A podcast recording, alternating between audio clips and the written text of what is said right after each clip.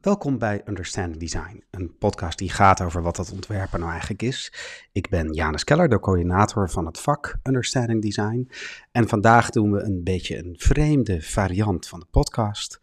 Uh, Johnny Ive, dat is eigenlijk de bekendste ontwerper van nu. Hij heeft de originele iMac, iPhone, iPod, uh, Apple Watch, dat heeft hij allemaal ontworpen bij Apple. Hij is net vertrokken daar.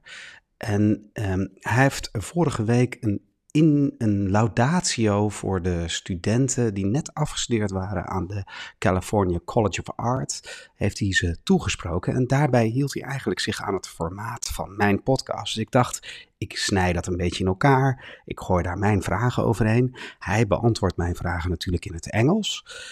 En uh, aan het eind ga ik nog even wat uh, uh, ja, reflecteren op, op hoe ik met Johnny Ive omga.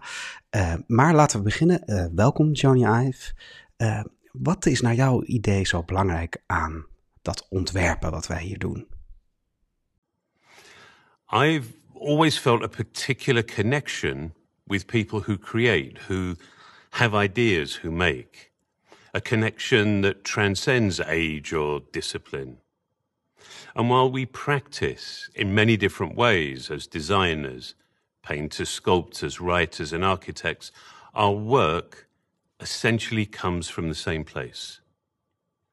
So, with the sincere hope of being useful, I would like to share a little of my personal journey with you. And while it is personal, I hope it resonates as the journey of a fellow creative. As a young boy, all I wanted to do was draw and make. With the single minded determination of someone who had discovered what it is they love, and I suspect because I was hopeless at everything else, I became consumed with creating and making. I studied industrial design at college and started to learn about the skills particular to design. I loved my practice, and it started to help inform my sense of identity. It helped me understand how I could contribute to society and to culture. I began to think of myself as a designer rather than a shy person that couldn't read very well or speak with any confidence. As I became more preoccupied, though, with becoming a professional designer, I started to worry about an imbalance. While developing my design practice legitimized and channeled my creativity, I started to feel that my childhood dreaming and imagination was being left behind. Now, college is, of course, exactly the place, exactly the time to focus on developing our professional skills. But what bothered me was just how easily my attention was consumed with the specific skills of design rather than the fundamentally important ones of creating. Not to sound uh, hopelessly dramatic, but I almost felt I was betraying the dreaming and the wondering that had really sustained me as a child. Without imagination, without profoundly new thinking and potent ideas, our practice has no purpose. Oh ja, dus het gaat over het maken, de, de drang tot maken, maar op een of andere manier gaan al dat, dat ontwerpen en dus het tekenen, het, het bouwen, het, de processen, die gaan op een of andere manier in de weg staan. Uh, wat, wat was voor jou een, een, een leermoment dat je meer begreep wat, wat die ideeën zelf dan waren? There was one class that brought my tentative worries and concerns into focus. It was a class that permanently changed the way I thought about the sanctity of creating. It was a sculpture class, a plaster sculpture class. It would begin by making crude molds in aluminium and then casting plaster. After it dried, we would sculpt and refine the plaster forms by hand using saws and rasps. But the plaster workshop was very small and it was complete carnage. The air would become opaque with white plaster dust, and large pieces of plaster covered the floor and tables. But my teacher, Roy Morris, was absolutely brilliant. He was quiet, he was kind, and he was patient. And it was an important class because I learnt about form and making form. Yet I dreaded the class because I was allergic to plaster dust. And despite wearing my mask, I would end up wheezing with streaming eyes, and my tongue would swell so that I sounded like Scooby Doo when I spoke. But here's the thing while we learnt about form and proportion, Roy was really teaching us about the fundamental value of our thinking and our ideas. And this began with teaching us how to respect our own work. You see, when Roy asked us about our sculpture, he would get fantastically agitated if we ever referred to it glibly or casually. Despite the complete chaos inside the plaster workshop, he would expect us to stop what we were doing, carefully clear a small patch on the table free of plaster debris, dust, and tools. We would then place our work carefully in the center and attempt a thoughtful explanation. Now, Roy also had an allergy to plaster, and it was even worse than mine. But he endured those lessons fueled with a fierce belief in the almost sacred importance of creating. I came to learn from him that creating and thinking should always be afforded a rare respect. I cannot thank him enough. Wauw, dat is ongelooflijk zoals je over die Roy Morris uh, praat. Uh, dat is natuurlijk heel bijzonder. Uh, ik, kan me voorstellen dat hij nu heel trots is. En, en aan de andere kant, dat heb ik zelf ook, dat ik denk van oeh, wat zou er met de leerlingen gebeuren? Natuurlijk hem voorbij gestreefd in alles.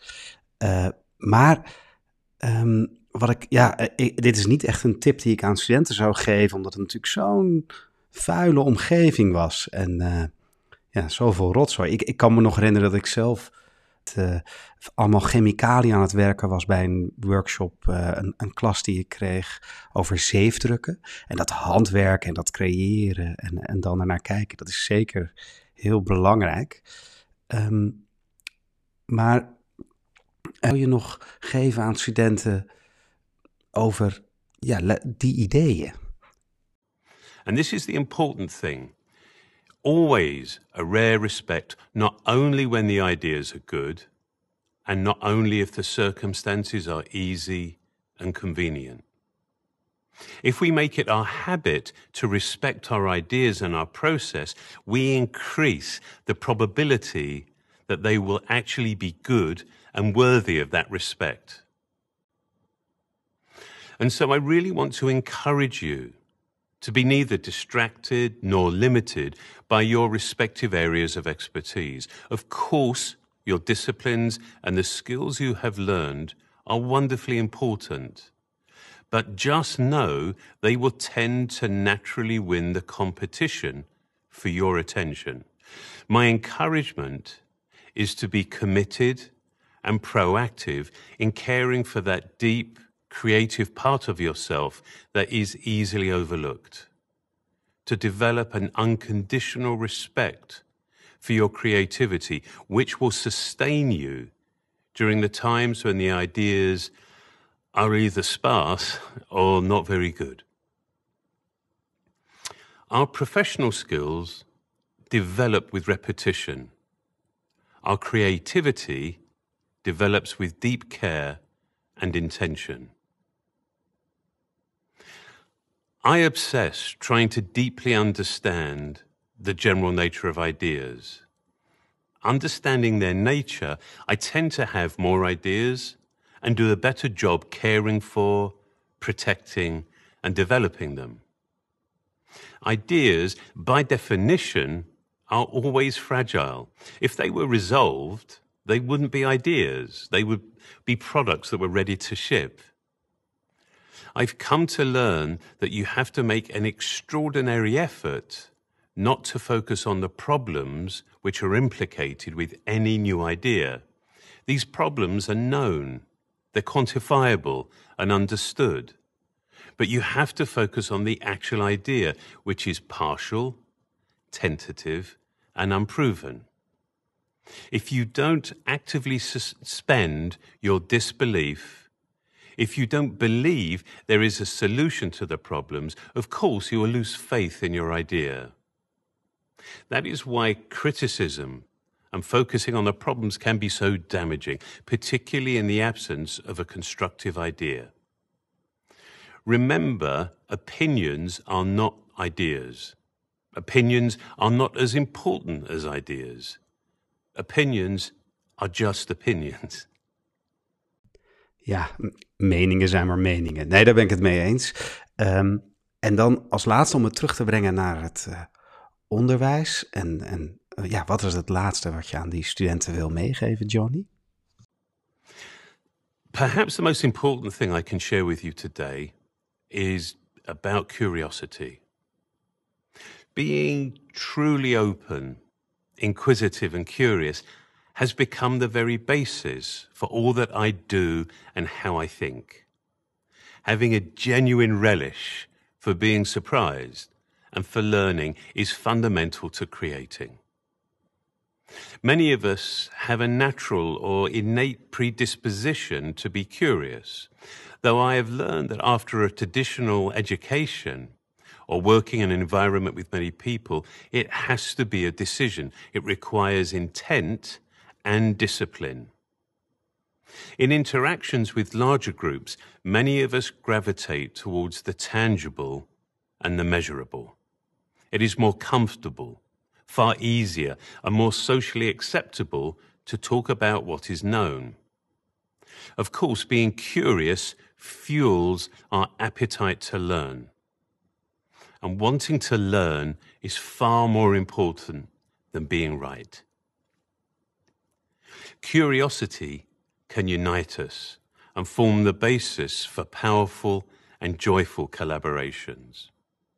And crucially, the delight and joy of curiosity and learning can temper our fear of doing something completely new.